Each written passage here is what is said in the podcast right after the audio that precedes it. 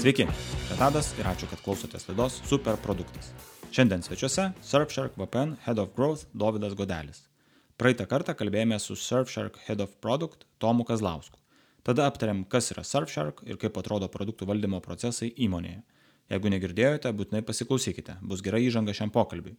Trumpai primenu, Surfshark yra VPN paslaugos tiekėjas. VPN naudojamas dėl anonimiškumo ir saugumo internete. Šioje laidoje pasigilinsime, kaip duomenis ir nuolatinis visko testavimas yra panaudojami, kad produktas nesustojama auktų. Dovydas papasako, kas yra growth, kokios yra growth atsakomybės, naudojami metodai ir taktikos. Ačiū Dovydui už išsamius komentarus, o klausytojams linkiu gero klausimuose ir naudingų išvalgų. Labas, Dovydai. Labas, Tadai.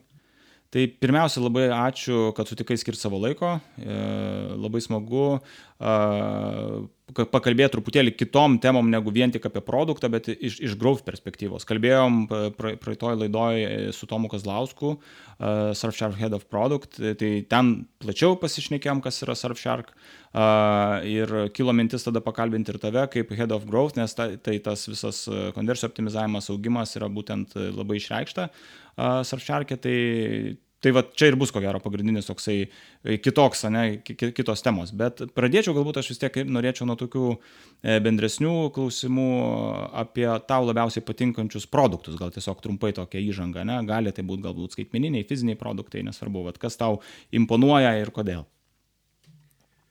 Tai turiu, manau, tiek skaitmeninių, tiek fizinių produktų, kurie man patinka su skaitminiais produktais gal yra sunkiau, nes tikrai jų yra daug. Aš pats esu didelis mobilių aplikacijų fanas ir man jos padeda spręsti tam tikras problemas day to day. Bet jeigu reiktų išskirti vieną, kurią tikrai galėčiau drąsiai rekomenduoti ir kad kitiems gal problemas išspręs, tai yra email klientas Sparkas. Spark. Aš jį atradau, kuomet buvau visiškai nusivylęs Gmail appsų man jisai iš dizaino ir iš intuityvumo pusės e, nepatiko. Taip pat bandžiau ir Apple natyvų mailo aplikaciją ir, ir kitus mokamus ir nemokamus, bet pats parkas, plus jis yra nemokamas, mokamos paslaugos yra skirtos daugiau B2B klientams ir suteikia tą visą funkcionalumą, kokio tu tikiesi iš email kliento. Plus susintegruoja su kalendoriumi ir tu gali irgi matyti savo kalendorių tą pačią vietą labai patogiai. O kas tau pagrindė? Nes aš, pavyzdžiui, Gmailą naudoju, man ta native aplikacija visai tinkanti yra, nors ten ir kelios dėžutės yra, bet taip pat užtenka. Kas tau a, kaip toks papildomos vertės ir išskirtumas iš, iš Sparko? Lengvas būdas a, kelias dėžutės turėti, nereikia perjunginėti. Aš nežinau, nesimenu, kiek yra Gmail'e, man atrodo, tu turi persijunginėti profilius. Ten viskas yra vienas. Tu gali matyti arba viskas, kad į bendrą inboxą kristų, arba tu tada kiekvieną atskirai gali žiūrėti yra lengvas filtravimas tarp perskaitytų ir neperskaitytų žinučių, suprioritizavimas, taip pat nustatymai kiekvienam, kiekviena iš pašto dėžučių, tai yra parašą gali turėti kiekvienai skirtingą priskirti. Ir kas labiausiai, tai kad jeigu yra ilgas susirašinėjimas, tai tu gali labai lengvai tą visą pokalbį sekti. Nėra kažkaip, kad Fredus padaro, kaip Reddito stilium, kur jeigu per daug, per ilgas, jau tada sunku atsekti, nuo kur ten viskas prasidėjo. Tai tas man labiausiai užstrigo ir labiausiai didžiausią vertę suteikiama. Supratau. Truputį off topikas, kaip tu pašto dėžutę tvarkaisi. Aš, pavyzdžiui, mėgstu dienos pabaigoje palikti viską perskaityti, ta prasme, kad tai būtų empty, ne, ten pasiekiu, tai arba archivuoju, arba tada snūzinu, jeigu reikia sugrįžti kažkada, tai, bet man jinai tuščia, kad nekabėtų ir toksai, nežinau, žodžiu, ramu, viskas, all done, ryte atsikeli, ten iššoka, prie ko turiu toliau grįžti. Kaip, kaip tu darai? Aš irgi esu iš tų žmonių, kuris viską perskaito ir užsidaro. Ar tai būtų Messengeris, Lekas, e, e-mail klientas. Bet man pašto dėžutė dar šiek tiek veikia kaip reminderis. Aš, jeigu žinau, kad neperskaityta, tai yra labai svarbu, ko aš neturiu pamiršti. Nes su tais snūzais būna, kad pradžioje ten penkiom minutėm užsisnūzini, po to dienai, po to savaitę ir žiūrėk, tada jau pamiršai ir jau per vėlų prisiminti. Tai aš neperskaitau tas, kas yra svarbu, tai pas mane iki penkių būna neperskaičiuotų kartais, jeigu reikia už ką padaryti. Jo, lieka kaip reminderis. Jo, geras toks tips and triks. Čia slekia dar irgi tas labai man asmeniškai veikia. Aišku, rašausi ranka, nes man kažkaip neprigijo digital formatu savo darbus planuoti, rašausi sąsiuvinį ranka, bet slekas toks dalykas, day to day, jeigu kažkas parašė, aš žinau, ten yra svarbu ir aš tada sugrįšiu dienos eigoje ir nepamiršiu. Taip, na, žinutės būna skirtingos. Kartais perskaitai, pasižiūri, kad, aha, reikės daugiau kažko pa, pa, pasigilinti, tai tada tas reminderis mm. -hmm. sleko labai praverčia, iš tikrųjų. Irgi naudoja. Super. Gerai, gal, gal tada galim apie growth bendrai pakalbėti, kas, kas ir yra mūsų pagrindinė tema, tai gal pradžiai tiesiog labiau tokiais bendrais, e, teoriniais, aišku, ir iš patirties tavo komentarais. Tai pradėkime nuo tokio paprasto klausimo. Klausytojams, ne, kad atsakytai, kas yra growth? Tas pats growth kaip toks vienas nevaikšto, dažniausiai matyti literatūroje ir, ir jeigu žmonės domėjasi, matyt mato, kad yra minimas arba growth hackingas, arba growth marketingas. Tai yra atskiri dalykai nuo to, kas yra growth pas mus įmonėje. Turi panašumų, bet gal aš tą padetalizuosiu paskui. Dabar kalbant, kalbant apie growth hacking ir apie growth marketingą, tai irgi yra panašus, bet to pačiu labai skirtingi. Growth hackingas, mano supratimu, yra mindsetas ar, ar procesas, kuomet tu remdamasis data, analitika, greitu ir nuosekliu testavimu ieškai būdų, kaip pritraukti kuo daugiau naujų userių per acquisition kanalus arba per produkto pakeitimus. Tai yra tos dvi dalis. Su produkto pakeitimais yra keletą pavyzdžių, kurie yra įėję į istoriją. Tai yra Hotmail atvejs, nežinau, žinai, kaip jie, kai tik pasileido į parašą, įdėdavo linką, kad galėdavo, kai nusinti laišką, kitas pamatyti, kad naudojasi Hotmailu ir lengviau užsiregistruoti tas pats PayPal ir Dropbox atvejs, kurie su referent programomis pritraukdavo sėkmingai naujus userius greitai ir efektyviai. Kalbant apie Dropbox, Dropbox aš irgi domėjausi tuo atskirai. Jų referent programa tikrai buvo įspūdinga kaip tam laikui, kai jie tikrai tos nemokamus gigabaitus ir ten daug duodavo, palyginti su kiek tu šiaip turėdavai vietos kietam diske tuo metu. Bet aš niekur neradau informacijos kiek kokybiški tie vartotojai buvo. Aš pats atsimenu, kai atsirado ta referent programa ir Dropbox'as, pats prisikūriau ne vieną pašto dėžutę, užsiregistravau, susikaupiau tuos 5 ar kiek ten gigabaitų ir nereikėjo daugiau nieko daryti, galėdavai palaidoti tuos kitus akantus ir, ir sėkmingai naudotis tą nemokamą vietą. Tai va, man klausimas, nieks nekalba, tai taip, useriai auga labai efektyviai, taip taip sparčiai, kad net verta prašyti visą use case, bet jų kokybė ir kiek ten iš jų liko, tai šį čia man atrodo nutylė, tai aš nežinau, kiek ieškau, nepavyko rasti atsakymą. Tai čia tokie momentai, kai kalba apie na, grow hackingą per produkto pakeitimus. Tada paminėjau, kad yra per acquisition dalį, tai man asmeniškai pačiam yra tekę tai daryti, kai dirbau Baratpandoje. Mes testuodami, ieškodami būtent per Facebooką, skirtingas auditorijas, skirtingus targetingo metodus ir strategijas, radom būdų, kaip greitai ir efektyviai iš Amerikos pritraukti vartotoją, kur pas, paspaudimo kaina būna mažesnė negu vienas centas. Tai kaip Amerikos marketui tai yra labai mažai ir pasiekime iki tokio lygio, kad nu, kiek mažiausiai yra tekę mokėti už kliką, tai buvo 0,001 cento, tai yra dešimtoji centų dalis. Va čia yra tas grow hackingas, kur tu randi būdų greitai ir skėlint ir labai daug. Growth hackingas, jisai gali savyje turėti paid kanalus kažkokius, ne, ir vadinasi vis tiek tada kalbam apie kažkokių kanalų optimizavimą, konversijų optimizavimą ir panašiai. Tai nėra vien tik tai, kaip minėjai, va, tas uh, vidiniai kažkokie dalykai. Nes jo labiau acquisitionas, ne, jeigu čia, čia iš to acquisition pusės tada tas kaip tikslas, ne, tai, tai teisingai vadinasi neišvengiamas acquisitionas, growth hackingas ar growth marketingas tada turi savyje tą paid kanalų dalį. Ne? Taip, tai growth hackingas tikrai, tu tiesiog ieškai būdų visais, visais galimais kanalais. Ir tai yra paid kanalai, organiai kanalai, gal ten rasi, kaip išoptimizuoti efektyviai, kad organic rankintumės labai aukštai ir tau tai atveš, atneš srautą. Ir, uh, bet ir per produktų pakeitimus, kaip bet referent programos unikalios, kažkokie tai pakeitimai, kurie viral efektą sukelia ir, ir dėl to tu gauni daug userių greitai. Bet va, kas svarbu minėti, va, per, apie, kalbant apie acquisition, kad grow hacking kontekste brandas nežaidžia per daug. Brando žinomumo didinimas. Tai ne brandas atveda tos vartotojus, tai daugiau taktiniai veiksmai paremti data, identifikavimu, kažkokiu tai taškų ką, kur, kaip pasiekti. Žinutės, vizualai kažkokie, ne. Mhm. O gerai, kitoje rankoje tada yra growth marketing. Tai growth marketingas labiau lyginamas yra su tradiciniu marketingu, bent jau mano akimis. Jeigu tradicinis marketingas būtent kalba apie awareness ir acquisition dalį, kad mes bandom pritraukti, didinam brando žinomumą, pasitelkiam skirtingus acquisition kanalus, kad pritraukti userius. Ir tradicinis marketingas ties to ir baigėsi.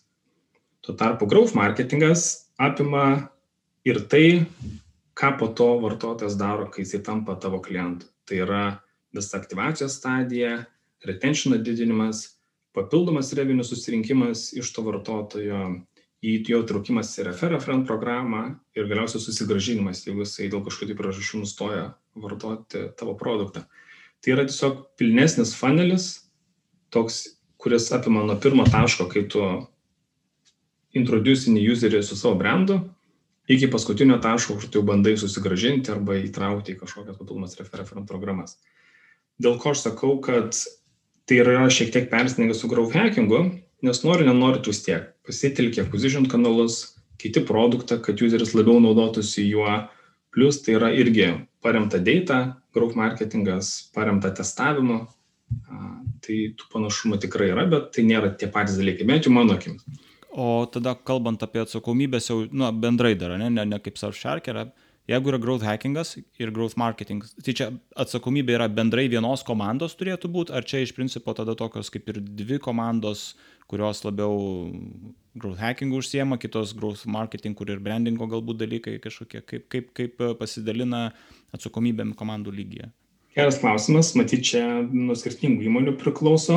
Aš nemanyčiau, kad tai yra atsakomybių reikalas. Growth hackingas gal daugiau yra apskritai požiūris o ar procesas kur tu tiesiog bandai greitai ir efektyviai tuos naujus vartotojus pritraukti skirtingais ir, ir galimais būdais, remdamasis data, testingu. Tuo tarpu growth marketingas tai yra jau tas, kaip sakiau, platesnis požiūris ir kelias. Tai gali būti growth marketingo komanda, kurie turi savo vadovą, savo žmonės, kurie rūpinasi būtent acquisitionu, brand awarenessu, retentionu, referent programomis, bet tų, tos komandos viduje gali vykti growth hackingo procesai, kurie tiesiog ieško būdų, kaip greitai tos userius akvairinti. Gerai, palėtėm growth, tą kaip bendrai augimo įrankį su, su marketingu tradiciniu, o su produktu. Minėjai, kad ne growth komandos atsakingos ir už produkto patobulinimus. Tai kaip dabar tada e, čia nai pasidalinami darbai, produktas, e, nu, žodžiu, kas persidengia, kas, kas, kas skiriasi? Iš čia klausimus, kurį mes irgi savo įmonį bandėme atsakyti, kuris laikas. Galiausiai atėjo tas suvokimas, kad ta graufo dalis ir, ir būtent su kas susijęs su produktu, tai yra produkto tobulinimas, panaudojant ar tobulinti jau esamus funkcionalumus ir featuresus. Tai tu žiūri, kas yra padaryta ir ant to testuoji, analizuoji data ir, ir statai ir gerini tos pačius dalykus, kad useriai labiau naudotųsi, ilgiau naudotųsi, skirtingus use cases pradėtų naudoti Tuo tarpu produktinė dalis yra daugiau naujų featuresų ir naujų funkcionalumų, ko vartotojai pasigėsta ir, ir, ir ko jiems reikia įdėgymas. Supratau, tai čia pakankamai aiškus tada atsidalinimas yra produktų komanda kuria naują kažkokią vertę, o growth tai yra tobulina, nes iš tiesų ir iš mano patirties tai tas tobulinimas yra toks E, nenutrūkstamas darbas, nes visą laiką gauni inputų tiek iš naudotojų, jie duoda grįžtamą ryšį, bet tikrai ir pati komanda mato, kad čia reikėtų palengvinti kažkur user flow, ne, kažkas turėtų būti paprasčiau, geriau, lengviau padaroma. Tai... Vėlgi, manau, kad tas tobulinimas gali būti, kad ir produkto komanda tobulina, nes gal neveikia taip, kaip, tarkim, rinkos standartai kažkas, ar jisai nėra stabiliai veikiantis dalykas, bet to patobulinimas neturės įtakos, na, ar turės, kad useriai a, kažkaip geriau to naudojasi. A, tuo tarpu growth iniciatyvose, kai dirbi su produktu, kažkokius pakeitimus darai, vis tiek tas galtinis tikslas yra, kad didinti user retention. Kad userį skatinti kuo daugiau naudotis, kuo dažniau, tai, tai per tą eina pakeitimai. E, sakyk, kokie yra dar santykiai su kitais departamentais, na, kurie įprastai yra įmonėse? Pardavimų, nežinau, operacijos, verslo vystimo, ar growth dar turi kažkokių tai tokių sąsajų, vad bendrai paėmus, ne tik tai su marketingu ir produktu, bet ir, ir, ir, ir kitom Tai manau, kad tikrai turi. Tai vieną dalį palėtėm, tai yra būtent produktinė dalis. E, Growth komanda, manau, taip pat artimai, bent jau pas mus įmonė dirba ir dizaino Juxo komanda, nes vėlgi kalba eina apie vartotojų patirties gerinimą. Tai reikia būti insync, ką mes norim padaryti, kas geriausiai veiktų, pasidaryti apklausas, user service, kaip ko ka, kurie stringa, kad ką reikia patobulinti, kad tas procesas būtų geresnis. Taip pat ir atsigrėžimas į biznio tikslus. Koks yra tas end goal? Ar mes tiesiog galvojam apie naujų userių pritraukimą ir mums nėra svarbu, kaip jie naudojasi, nes gal šitame, tame, šitame etape to reikia įmonį, tai gal to growth iniciatyvų net ir neverta daryti. Bet jeigu mes kalbam apie verslą, kuris norim, kad auktų metai iš metų, tada taip, reikia galvoti apie growth, reikia ieškoti būdų, kaip tuos vartotojus išlaikyti ir, ir paskatinti juos naudotis produktų dažniau. Taip, tai žodžiu, visi turi bendrą tikslą kaip įmonę auginti priekį ir tada teisingai visi, visos tos disciplinos, visi departamentai savo indėlį duoda, bet tada, kad, kad tai veiktų tas bendras, tas bendra kryptis, bendras tikslas, tai turi tada atsidalinimas. Nu, klasika, ne atsidalinti tikslais ir, ir veiksmais kažkokiais. Tai. O papasakok tada, kaip Surfshark atsirado Growth. Prasme, ar tai yra nuo dienos pirmos buvo, žodžiu, komanda atsirado ir čia jau ėmėtės Growth iniciatyvų, ar, ar reikėjo palaukti, žodžiu, kaip, kaip tai atrodo istoriškai? Istoriškai buvo, kad pas mus Graufas atsirado visai nesnai. Mes anų metų galo, šių metų pradžia pradėjome tai dėti didesnį fokusą. Pats Uršarkas kaip, kaip įmonė, produktas netoli trijų metų ir kai tik pradėjo burtis komandos, viskas buvo apie acquisitioną. Mes norim aukti, mes norim būti žinomiausi ir tai pavyko padaryti. Mes per pirmus metus tapom top 5 VPN pasaulyje, dabar esam top 3 ir turim tas ambicijas vis tiek būti patys pirmi, anksčiau ir vėliau. Tai, tai taip sėkmingai akvarinom naujus userius per tuos uh, pirmus metus ir uh, paskui atėjo tos suvokimas, kad reikia ir tas kitas metrikas atsižvelgti, kaip jie vartoja nes jeigu juzeris nustoja vartotis tavo produktų, tai tikėtina, kad jisai nebebus subscriberis po metų, kai baigys jo subscriptionas. Ir kadangi esame sąsinis verslas, tai yra subscription based, tai turim užtikrinti, kad vartotojai naudotųsi kuo dažniau. Tai būtent tų tikslų paskatinti yra, tai atsižvelgiam ir pradėjom tai daryti. Tai pradžia yra tas acquisitionas, kuo daugiau, ne, ta prasme, kad būtų klientų, o tada ateina tas supratimas, kad reikia juos išsaugoti. Čia ta klasika, kad ne, lengviausia yra iš esamų klientų augimą daryti, negu pritraukinėti naujus, nes, nežinau, santykiai vairūs yra įvardinami, kad yra žymiai brangiau tuos, to, to, tą naują pri, prisitraukti. Kadangi vėlgi esam vis dar startupas ir tikrai tų žinių ir tos patirties pas daugumą iš mūsų nebuvo, kai mes visi susibūrėm daryti tai, ką darom šiandien, Tai būtų buvęs tas suvokimas ir supratimas, kuris yra šiandien, matyt, būtent tai darė nuo pirmų dienų. Nes vartotojai, jeigu jie pasinaudojo ir pamiršo ir tu nedirba ties to, kad jie sugrįžtų, tai, tai tu juos gali ir pamiršti ir ne, nebus su tavim, po, kai baigsis jų subscriptionas ir jie nebesinaudos tavo produktų. Tai graufa, mano manimu, jeigu yra žinios, kompetencija ir noras, tikrai reikia daryti nuo pirmų dienų apie tai galvoti o ne taip, kad mes dabar x metų akvarnam userius, nu po to pažiūrėsime, kaip tai gausis, nes galbūt, kad ir nesulauksit galimybės pažiūrėti, kaip čia gausis. Čia, lab, čia labai gera išvalga ir, ir patarimas, ne, kad e, retentionas, vadinasi, nėra kažkurios fazės, nu, sakykime, pasibildinam, pasilaunčinam, pažiūrim ir tada užsiemam retentionu, ne, kad tai yra iš principo, jeigu jau turim klientus, tai turim rūpintis ir retentionu. Nes iš principo sąsiniam verslui yra labai svarbu customer lifetime value, tai yra kuo ilgiau klientas išbūna, tuo ta vertė ne, ir, ir profit, pel, pelnas atnešamas yra didesnis. Jeigu jisai čiurnina, tai vadinasi tiesiog daugiau reikia investicijų į rinkodarą, vadinasi acquisition kanalus visus, ne, ir, Tai čia ta, ta vieta, kur labiausiai ap, apsimoka skirti laiko tikriausiai, ne ankstyvose fazėse.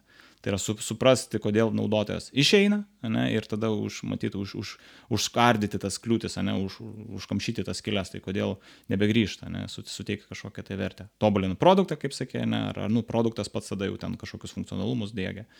Tai toksai baus tikriausiai ir produktas, ir, ir, ir growth komandos turėtų apie tą patį e, suktis galvoti, kaip išlaikyti klientą.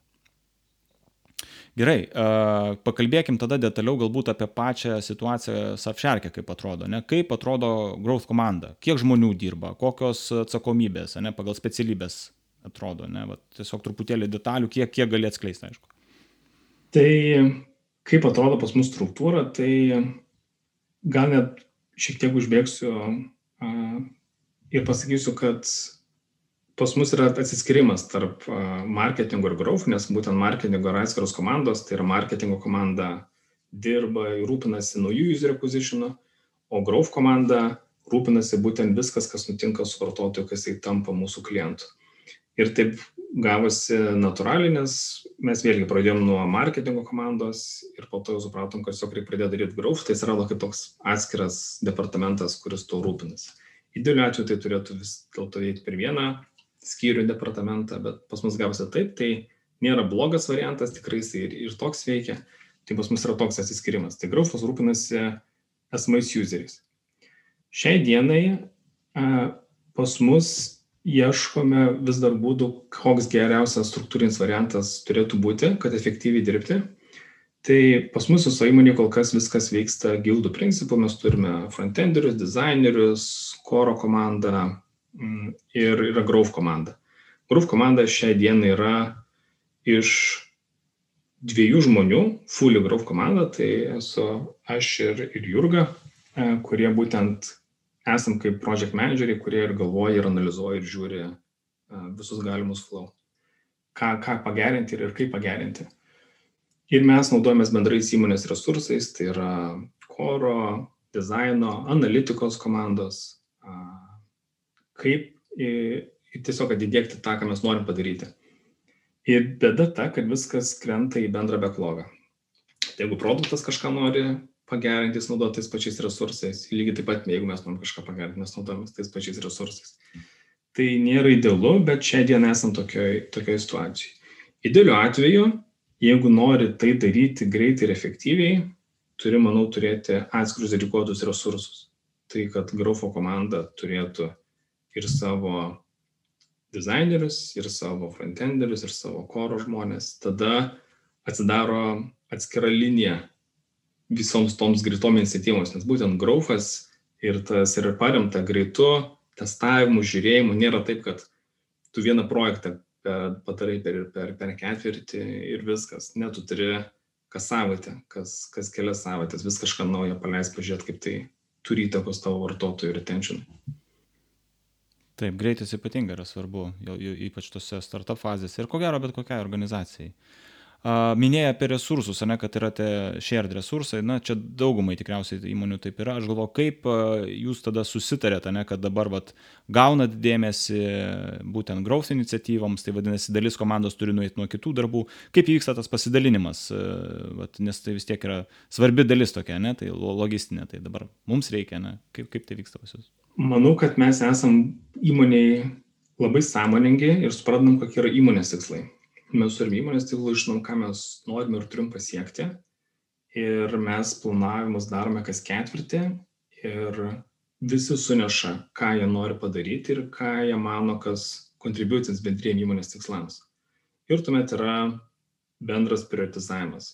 Ar šitas dalykas, kuris iš tų visų dalykų duos didžiausią impactą, tą, ką mes norim per metus pasiekti ir taip išsiprioritizuoja idealiu atveju turėtų susivesti į kažkokį vieną dalyką, ten tarkim, ar tai revenue, ar tai retentionas, tai jau kas įmonė yra svarbu, ar tai kokybės gerinimas, skirtingus įmonės skirtingus prioritetus metam yra išsikėlusios, tai, tai per tą prizmę ir bandai žiūrėti. Jeigu yra kažkoks mikro pakeitimas, nu, tai tada, kad ir kaip tu norėsi, nu, jau pas turi suprasti, kad gal nereikia to daryti, kai yra svarbesnių dalykų. Jo, tai žodžiu, iš anksto įvyksta planavimas ir ketvirtį priekį, o karas tikriausiai naudojatės, ne? E, žinom, kad bus tokios growth iniciatyvos, reikės tokių žmonių ir įsivardinat, e, nu, kad, kada tai prieinama. Aš dar norėčiau pagilinti, žinai, kurią dalį tai yra tikslų. Vat jau minėjai, kad growth komanda atsakinga už tą dalį, kai naudotojas jau ateina į sistemą.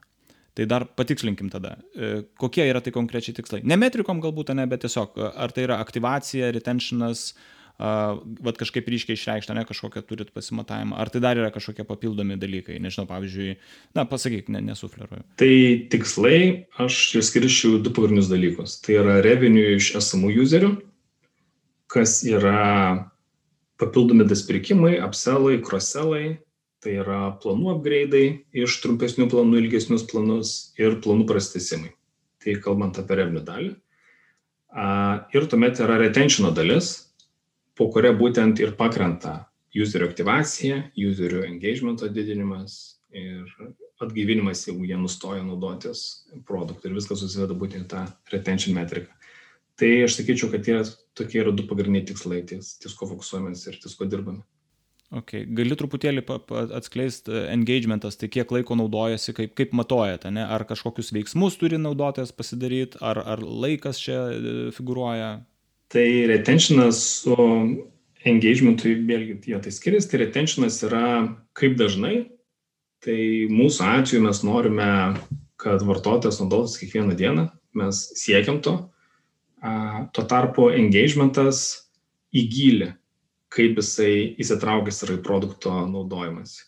Pas mus produktas pas yra gan paprastas, tai yra tiesiog vienas mygtukas, paspaudi prisijungi ir tu, tavo interneto tinklas yra apsaugotas tai to gylio e, tas engagementas per, per tai, kiek laiko jisai būna prisijungęs, ar jisai visas 28 dienas sėkmingai prisijungęs, ar jisai prisijungia, bet po to kažkiek dienų neprisijungia ir vėl prisijungia kažkokiam tai tik tais trumpam periodui. Tai kitų produktų kontekste, manau, kad tą engagement ir gilį per skirtingus funkcionalumus yra lengviau pasiekti, kai tu, tarkim, Facebookas Pinterestas ar ir kiti socialiniai tinklai, ypač kur tu tiek turi gilio įeiti į tai, tai, tai yra žymiai lengviau negu paprastiem produktam, kurie tiesiog vieno mygtuko principų veikia. Papasakok, prašau, dar apie komandas kalbant, ne, kokiais metodais dirbat. Skramas yra kambanas, gal dar kažkokie tai dalykai, kaip organizuojamas darbas. Kurv komandai tai mes gan paprastai, gavos taip natūraliai, kad vėlgi ta komanda nėra didelė, tai labai viskas agile principu, kad mes tiesiog nuolatos bendraujam, komunikuojam, turim kolus, brainstorminam, galvojam, ką padaryti. E, dirbam labai vieningai ir, ir giliai su analitikų komanda, kad rasti, kur tie yra taškai, ką, ką reikia pagerinti ir, ir koks yra paternas. Ir, ir, ir mes, kai padarom pakeitimus, galiausiai gaunam tą rezultatą, kokio tikėjomės. Tai pas mus yra gan toksai greitas ir paremtas tiesiog bendra komunikacija ir, ir nuolatiniu, visi esam in the loop, ką darom, dėl ko darom ir, ir ką toliau darysim. Kaip tada projektas yra įgyvendinamas? Ar čia vėlgi tiesiog apsibrėžėt laiką kažkokį, ar turit sprintus, nežinau, nebūtinai gal ten dviejų savaičių, nes sprintai vairius gali būti, bet tada, vat, kai jau darote ne projektą kažkokį, apsibrėžėt rezultatą, tai vat, apie tą projekto dalį galbūt pas, pasikalbėkime, gal kažkokį pavyzdį gali paminėti sakykime, nusprendėm kažką tai, ne, kaip tai atrodo, susiplanavimo fazė, kaip vykdymas ir taip toliau. Techninės komandos pas mus ir dizaino komanda dirba sprintais, mes pristaikom jau prie jų tuomet. Pavyzdys, tarkim, galime paimti referafin programą mūsų, kurią pasileidome praeitais metais per, per karantiną ir tai buvo pirmas rimtesnis projektas, kai visa komanda remote dirba. Tai viskas vyksta, kad tu kaip uh, produkt owneris, sakykime, šiuo atveju būtent šitos features funkcionalumo, uh, subildini keisą, pristatai komandai per kick-off meetą, kur ateina visi žmonės, kurie dirbs prie to projekto. Tu paaiškini, kodėl mes tai darome, ką mes tikimės dėl to pasiekti, kaip tai kontribuotina bendrai įmonės tikslams ir pristatai bendrą logiką, kaip tai turėtų veikti ir, ir ko tu tikiesi. Da viskas nugula į, mes naudojamės Jira, nugula kaip user story su acceptance kriterijais, kaip tu tai įsivaizduoji ir kaip tai turėtų veikti. Ir, ir prasideda darbas.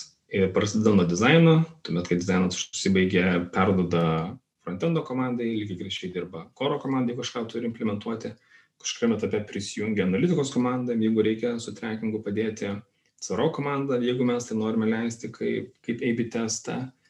Ir kiekvieną savaitę darai papildomus follow-up meetus, kur tiesiog pažiūri, ar viskas yra pagal planą ir nekyla kažkokių papildomų klausimų ir, bet tikrai nelaukia tos savaitinio susitikimo, pas mus vėlgi viskas vyksta per sleką, sukamas bendros grupės, kanalai, kur tu visi sėdi ir jeigu yra kažkas, tai, tai tu kaip atsakingas už tą projektą, kurį inicijavai, tai turi būti visą laiką available atsakyti ir, ir padėti išspręsti tas problemas.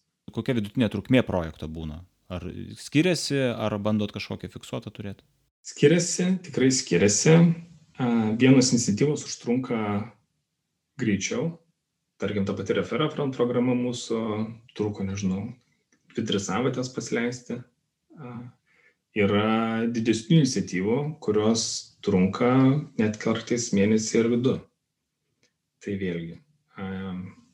Vėlgi mes viską bandome leisti per įbė testus, išsesuoti ir pažiūrėti. Tai viskas yra gerai, kai užtrunki mažai, bet jeigu užtrunki labai ilgai ir tas testas būna nesėkmingas, tai yra kažkoks nusivylimas, bet idealiu atveju ir vėl ieškome net ir tos ilgus projektus įmanoma suskaidyti mažesniais etapais. Tu gal nebūtina visko išleisti, gal kažkokią tai vieną paprastą funkcionalumą MVP ir, ir apskritai su Grove komandos atsiradimu stengiamės tai daryti, kad neapsi, neapžiokim kiek galima daugiau ir tą jau idealų scenarijų, pasidarykim kažką tokio galim per kelias savaitės. Pasileis, pažiūrėti, ar tai veikia ir jau tada nutotis pirti, tobulinti. Kokia vidutinė sprinto trukmė būna pas jūs? Pas mus savaitiniai. Savaitiniai sprintai, mm. ne viso development komanda. O, tai tokie trumpi, labiausiai trumpi tikriausiai, kiek gali būti, matyti, ne? O dar sakyk, ar darote estimatus, vat projektas, ne, kickoffas, tai tikriausiai po kickoffo įsivertinta, ne, kad galimai čia bus, nu, ne dviejų savaičių, sakykime, ir mėnesio trukmė. Mes estimatus darome per planavimo, ketvirtinio planavimo etapu, vėlgi visos komandos įsijungia, team lydai, ir jie įvertina, kiek tai gali trukti ir pagal tai sudėlio apskritai viso ketvirčio darbai prioritetai, kas po ko turėti, kad viskas sutilptų taip, kaip turi sutilpti. Supratau, tai nebegaištat laiko, vadinasi, planavimui, estimatams tiksliau, ne, ir planavimui tuo pačiu metu ketvirčio, bet tai yra planavimas. Supratau, makes sense. O dabar sakyk, dar noriu suprasti pačią projekto eigą, kas su, su, su užima didžiąją laiko dalį pavyzdžiui tai kas gali nu pasiruošimas kažkoks ane reikia kažką implementuot funkcionalumą naują galbūt kažkokį. Ar patys testai galbūt jum paleidžiat ir žiūrit kol ten rezultatai kažkokie bus. Kas e, didžiausio tokio laiko suvalgo? Testai pas mus idealiu atveju turėtų trukti apskritai pagal gerąsias taro praktikas testai trunka turėtų trukti apie dvi savaites kad praeitų du verslo ciklus ir tada jau tą gautum su pakankamai dėtos tą teisingą atsakymą, statistinį patikimumą ir tas laikas nėra per ilgas, kad iškraipytų duomenis. Um, nežinau, aš sakyčiau, aš gal savo laiko ne tiek vertinu, vis tiek darai, kiek darai, kol padarai, tą galiausiai sugalvoji, įsivertini, mano akimis vis tiek daugiausiai užtrunka tas implementavimas. Ir kartais tu net nesupranti, kiek yra sudėtingi tam tikri tavo pasiūlymai. Tai aš, kad atėjus patirtimi ir dėl to mes taip ir glaudžiai su visom komandom dirbam, kad nėra taip, kad tu prisigalvoji. Pasirodo, čia tada ne dviejų savaičių, bet dviejų mėnesių projektas, nes kažkas vienas dalykas, kuris tiesiog tie ant tiek išilgina visą procesą. Tai yra tas pastoviai būtent per kick-off mytą, ką mes galime išimti, sakyti, kad gal šiame etape nėra būtina, bet žymiai sutrumpins tą implementavimo laiką. Taip, nes iš tiesų, tai čia, bet kai yra tas projekto pradžioje, kai vyksta planavimas, ne visos detalės gali būti žinomos. Ir, ir čia yra dažnas dalykas, kuo eini toliau, gilinį projektą prisideda detalės, tada ta, ta visa apimtis ir skaupas matosi. Ir tada, tai žodžius, to kick-off myto metu uh, jūs jau bandot kažkokius tai trade-offus daryti, ne? kad galbūt, okei, čia pasirodo porą mėnesių reikia, bet negalim porą mėnesių, nes pagal planą ten turim, nežinau, tris savaitės, tai tada bandot, uh, teisingai sakau, nes šito, šito vietoje atsiranda. Tikrai taip, taip. Okay. Uh, gal gali plačiau truputėlį apie tuos minėtus AB testingus, ta prasme, čia tikriausiai apie tai, kai išnekėjo, ne dviejų savaičių. Tai uh, kaip juos suplanuojat apskritai, bet uh, kas ten yra, rodikliai kažkokie svarbus, ką stebit, uh, koks pokytis, ne, ir panašiai idealiu atveju turėtų matyti viską, kadangi pats minėjai, sąsinis verslas, lifetime value yra svarbiausias dalykas, tai idealiu atveju norėtum, kad bet koks testas susivestų lifetime value didinimą. Ar tai būtų naujų userių acquisition, ar tai kažkokio tai featureso patobulinime, ar naujo featureso įdėgyme. šią dieną dar to nesam pasidarę, bet žiūrime apskritai, ką mes bandome pagerinti. Tai jeigu kalba yra apie acquisition, tai tada yra conversion rate gerinimas. Jeigu yra growth iniciatyvas, tai tada mes norime retentioną arba usage didinimą. Tai pati pats procesas vyksta testavimo, tai mes turim tam dedikuotą komandą, CRO komandą, kuri padeda su tų testų implementavimu. Tu gali ateiti su idėja, ką nori protestuoti, tu apsimsi tą idėją įgyvendinti kaip B variacija, tai visą tą flow praeisi su kikofais, su, su susitikimais, galiausiai QA stadiją, ištestuoji, paleidi testą aplinkoje ir tada ateina CRO komanda, kuri tau padeda teisingai paleistą testą, patikrina duomenų švarumą, ar tikrai 50-50 pasiskirsto tas rautas, ar nėra kažkokių tai trackingo problemų. Galiausiai užtikrina, kad būtų tas statistinis patikimumas ir galiausiai, kai jau žino, kad tokiai testas yra tikrai patikimas, mes žinom rezultatą, jį stabdo ir padarė analizę pateikė išvadą. Bet tai čia ta dalis, jau su kuria jie padeda kitoms komandoms, bet taip pat jie ir patys e, ieško, žiūri ir inicijuoja pakeitimus ir testus, ką, gali, ką galima būtų paleisti. Tai pas mus ta testavimo kultūra tikrai yra labai išplėtus ir bet kas įmonė gali ateiti su idėja, ką nori patestuoti. Ir mes turim bent kartą per mėnesį susitikimus, kur pagalvojame, kad va, gal čia, ką galim iš, ką galim šitam čekauti pagerinti, ką galim page pagerinti, ką galim produktą pagerinti ir appsuose pagerinti. E, žinai, dar noriu pagilinti tą dalį ir santyki growth komandos ir CRO komandos minėta. Čia teisingai suprantu, yra dvi skirtingos. Taip. E, CRO komanda atsakinga už AB testus, jūs kaip growth už tam tikras iniciatyvas tobulinimo, ne? Papasakok truputėlį plačiau, kaip vyksta bendradarbiavimas. Nes aš, aš buvau pradžioje supratęs, kad growth ir patys jūs susiplanuojat pa, patį įbi testą. Prasme, kad tai turėtų būti. Bet čia, kaip suprantu, dar yra pagalba, tai va dar truputėlį, jeigu gali pagilink e, tą santykį tarp skirtingų CRO komandos ir, ir growth komandos. Tai tu matyčiau, kai, kai planuoji paleisti ar funkcionalumą pagerinti, ar kažką naujo įdėkti, tu jau turi mintie, kad tai leisi kaip AB testą ir jau CRO komanda prisijungia iki kovo metu, jie žino, kas bus testuojama. Ir tuomet jie nesikiša į featuresų įdėgymą, nu nebent su uh, eventų trackingu ar, ar kažko panašaus, kad jiems padėtų po to įsivertinti, ar testas bus sėkmingas ar nesėkmingas, bet kaip growth komanda, tai tu viską įgyvendini. Ir galiausiai jau duodi CRO komandai tą paskutinį mygtuką paspausto, kai paleidžiam testą ir tada stebėti, ar tikrai duomenys yra, kaip sakiau, švarus, ar, ar ten nėra kažkokių netitikimų. Ir, ir jeigu viskas gerai, tuomet laukiam tas kelias savaitės ir tada sugrįžta su, su atsakymu.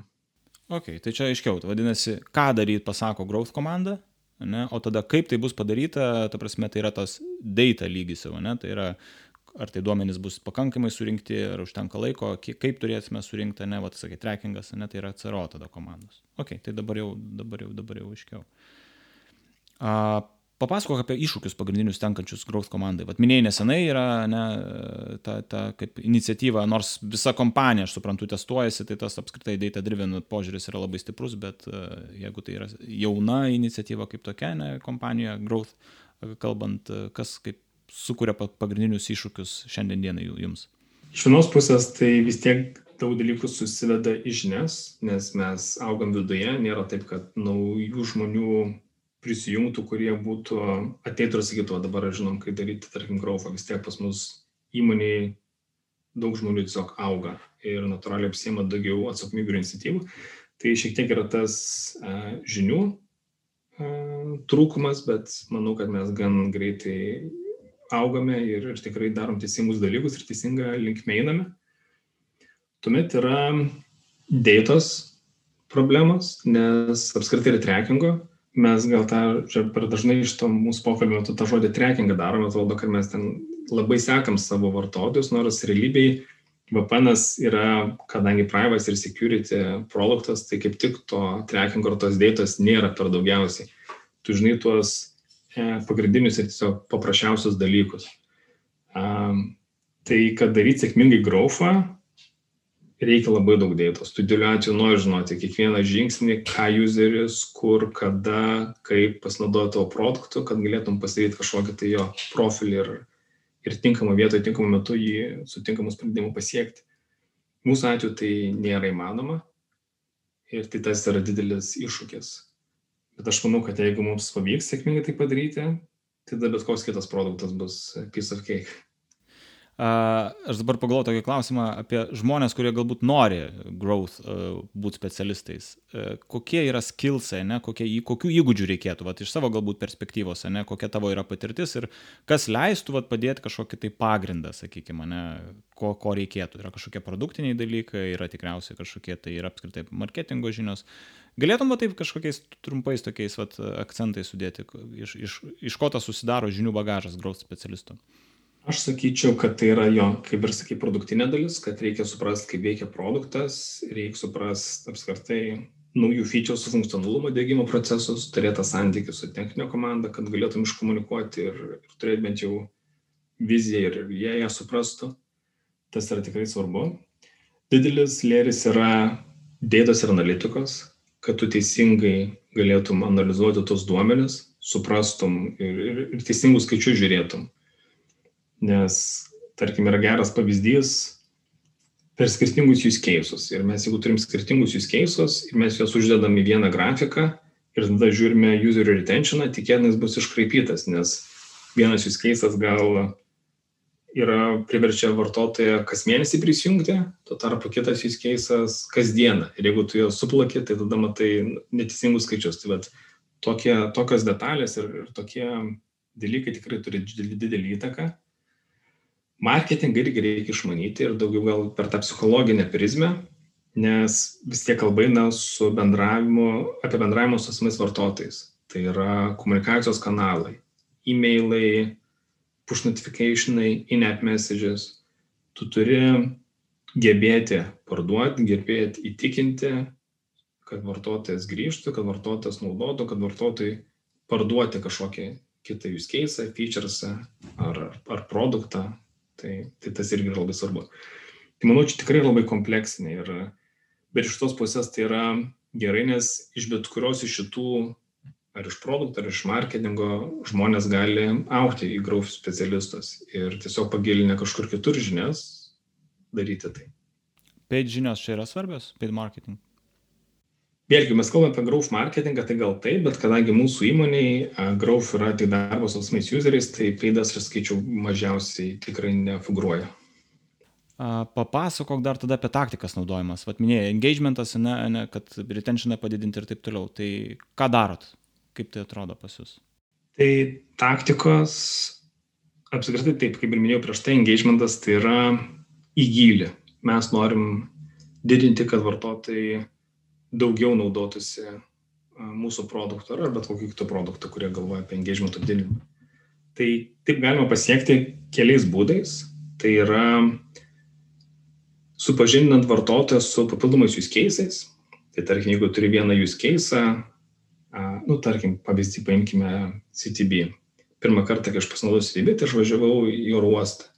Vat buvo mano toks use cases. Vat kai man reikės kažkur skristi, kad nevažiuoju savo mašiną, nuvažiuoju į uostą ir iš oro uosto grįžti mano natūralus tas uh, retentionas, matyt, su appsu buvo kas pusę metų arba kas metus. Bet tuomet VCTB mane supažindino su kitais use cases, kad gal tu ne tik į uostą važiuok, bet dar ir savaitgalį į miestą arba ryte į darbą, jeigu tau reikia. Ir taip natūraliai padidėjo mano engagementus pačiu produktu, aš daugiau jo pradėjau naudotis. E, tai vad būtent kaip padidinti. E, tai tai vad būtent engagementas per, didėja per user įtraukimą į papildomus use cases. Tai yra vienas dalykas. A, tuomet yra dalis, kuomet kaip padidinti dažnumą, kaip useris naudojasi tavo produktu. Tai mes turim, kad useris gali tik vieną kartą pasinaudoti tavo produktu, bet kaip užtikrinti, kad jisai gal penkis kartus per dieną pasinaudotų tą sėkmingai daro socialiniai tinklai per push notifications ir visokias ženkliukus, kad kažkas palaikino, atsidarai, aha, tas palaikino, darbiškai, šiek tiek paskrolini, uždarai, praeina penkias minutės, dar kažkas palaikino, vėl atsidarai, tai natūraliai tas gilis atsiranda, tu žymiai labiau būni engaged su produktu negu prieš tai. Tai šitos taktikos tikrai, tikrai prisideda. Ir kitas dalykas tai per pačių feature sunaudojimą. Tai yra, žinai, jūs keisai, tai, kurie tau sprendžia tavo problemą, o per featuresai, kur tiesiog tom pačiom problemom tu daugiau dalykų pradėtum naudoti. Nu ir kaip pavyzdys galiu tada paimti mūsų VPN. Paprasčiausias yra būdas, kad tu spaudi mygtuką ir esi prisikonektinęs. Bet taip pat yra papildomų featuresų, kurie, kuris vadinasi, tarkim, AutoConnect, kad jeigu nueini į prekybos centrą ir tai yra nesaugus Wi-Fi tinklas ir tai prie jo prijungia, automatiškai background'e tau įsijungtų VPN. -as. Arba taip pat yra featuresas, kuris vadinasi Kill Switch, kuomet jeigu kartais nukrenta, nudropina e, tavo e, VPN connectionas ir tai nutinka natūraliai, vis dėlto mes kalbam apie serverius, jie kartais vis tiek nėra 100 procentų, 99 procentų stabilumo veikia tai kad kai nutinka, tave atjungtų ir nuo interneto, tam, kad apsaugotų tavo duomenis ir kad nebūtų taip, kad tu nežinai, kad VPN'as neveikia, bet tu toliau naršai ir galvoji, kad čia viskas yra gerai. Tai vartotoją paskatinti naudoti tais featuresais ir, ir natūraliai jis labiau tampa įsitraukęs į tavo patį produktą. Tai skaičiu tokie va, pagrindiniai dalykai, kaip, į kaip mes žiūrime tai, kad padidinti tą engagement. Super, super, labai naudinga, man atrodo, iš tikrųjų tos konkretikos visą laiką norisi, tai vat, e, labai ačiū už tai. Ok, manau, kad galim judėti tada į tą paskutinę sudėtingiausią pokalbio dalį. E, e, trys greiti klausimai, tai pakalbėkime apie, pirmiausia, apie knygą, kurią norėtum rekomenduoti. Produktistams ar marketingistams, kuriems gali įdomu daugiau suprasti apskritai apie visus šitus procesus, kurias apkalbėjom su Tadu, tai Šonelis knyga Hacking Growth. Tai yra toks tikrai geras pradžiamokslis, kur paaiškina apskritai gal daugiau apie A-B testingą, kodėl tai yra svarbu, kodėl yra svarbu tai daryti greitai ir efektyviai ir kodėl tas greitis ir testavimai duoda tau pranašumą prieš kitas įmonės. Ir, ir tikrai su puikiais gerais pavyzdžiais ir padeda tau tą mindsetą susiformuoti, apie ką viskas yra, kad tai nėra tik apie naujus userius, bet tai yra apie vartotojų išlaikymą ir kad tai yra labai svarbu įmonės sėkmiai. Labai gera knyga, skaičiau, ten labai gerai praeina per tą visą acquisition, activation, retention, revenue dalį, referrals, tos pirate metrics vadinamas AR. Tai tas, tas buvo labai geras, aš gal ten pasigėdau iš tos B2B pusės, E, tokio, tai vad kas su B2C dirba, ten labai daug pavyzdžių yra. Yra paminėta kažkiek ir B2B, bet labiau apie tą B2C dalį. Tai, bet, bet šiaip puikiai, tikrai tą tokį pagrindą labai puikiai suteikia. Super ačiū. Antras klausimas, kasdien naudojami įrankiai darbui. Neišvengiamai, aišku, čia tokie populiaresnis, tai slekas, susirašinėjimai, vis tiek pas mus, kadangi remote ypač dabar, tai slekas ir Google Hangoutai kiekvieną dieną. Bet jeigu kalbėt apie tą, kuris man padeda su procesais ir su minčių susidėliojimu ir apskritai su, su growth darbu, tai yra Miro. Tai yra toolsas, kuris tau leidžia vizualiai dėlioti mind mapus ar kažkokius flow. Ir kas man asmeniškai, aš tik tais pamatęs galiu suprasti, ar tai making sense ar ne. Man reikia ar užrašyti, ar nupaišyti, ar, ar sudėti tam, kad aš atsitraukęs, aha, bet čia taip turi veikti, ok, make sense. Tiesiog pagalvoti neužtenka, tai man tai labai padeda būtent tą vizualinę pusę pamatyti. Ar čia yra būtent įrankis tau, ar dar naudoji ir bendradarbiavimui, nes kiek žinau, Miro turi tą bendradarbiavimo dalį, kaip, kaip naudojat pas save įmonį? Aš naudoju asmeniškai labai daug, su kolegė, kuri yra Growth komandos dalis, mes turim bendrus templatus ar projektus, kaip pavadinsi, prie kurių viesi dirbame. Ten, tarkim, esame išsimepinę visus mūsų email flow komunikaciją. Kiekvieną touchpointą, kiek dienų praeina, skirtingais toks didžiulis, didžiulis medis. Ir kiekvieną kartą, kai kažką naują paleidžiu, tiesiog tą medį papildai, kad būtų up to date. Tai ten jau kontributina keli žmonės. Taip pat aš naudoju kai sudėlioju kažkokį flow tam tikram projektui, tarkim, referent programą, kurią buvau kalbėjęs, tai tu tai panaudoji, kad ir kitos komandos jis pažintų. su jais pasidalini ir jie tada turi kaip referencą, kaip tai turi veikti, kokie tai turi būti žingsniai, loginiai ir, ir taip naudojam tam. Na ir paskutinis klausimas - patarimas produktistui. Jau būdamas, va čia gal toks kampas, ne, aš nekėjom truputėlį apie growth ir produktistų tą santyki, produkto santyki, tai čia gal irgi iš tos perspektyvos galbūt per lūkestį ar na, tiesiog bendrai. Patarimas produktistui tai būtų step up, jeigu šiai dienai pas tavę įmonėje nevyksta growth iniciatyvas ir tu esi žmogus, kuris turi didžiausią, didžiausią daugiausiai galimybių pakeisti produktą, jį pagerinti, tai tikrai pradėk žiūrėti tą growth dalį, kad vartotojai ne tik turėtų featuresų, bet kad jais naudotųsi ir kad jie kuo dažniau jais naudotųsi. Nes jeigu to nebus, tai kad ir koks geras tas tavo produktas bus, jeigu jie niekas nesinaudos, tai, tai toks ten ir produktas. Taip, tai čia ne, ne, ne tiek per tuos, kad kuo daugiau naujų featuresų, nors tikriausiai ir nuo brandos produkto priklausys, ne, jeigu ten yra startupas, MVP, tai dar gal reikia ir tų produktų, e, featuresų, naujų funkcionalumų e, padaryti, bet iš karto turi būti balansas, ne, tada žiūrėti tuos esamus ir tada jau tai sugražinti juos, engagementą didinti ir panašiai. Labai geras patarimas. Ačiū. Gerai, ačiū Dovydai už tavo laiką, ačiū už tikrai puikius komentarus ir manau, kad išsamius, tai buvo tų detalių naudingų, tai manau, kad e, klausytojai vertins, tai ačiū dar kartą ir iki. Ačiū, Dovydai, pasmaitė.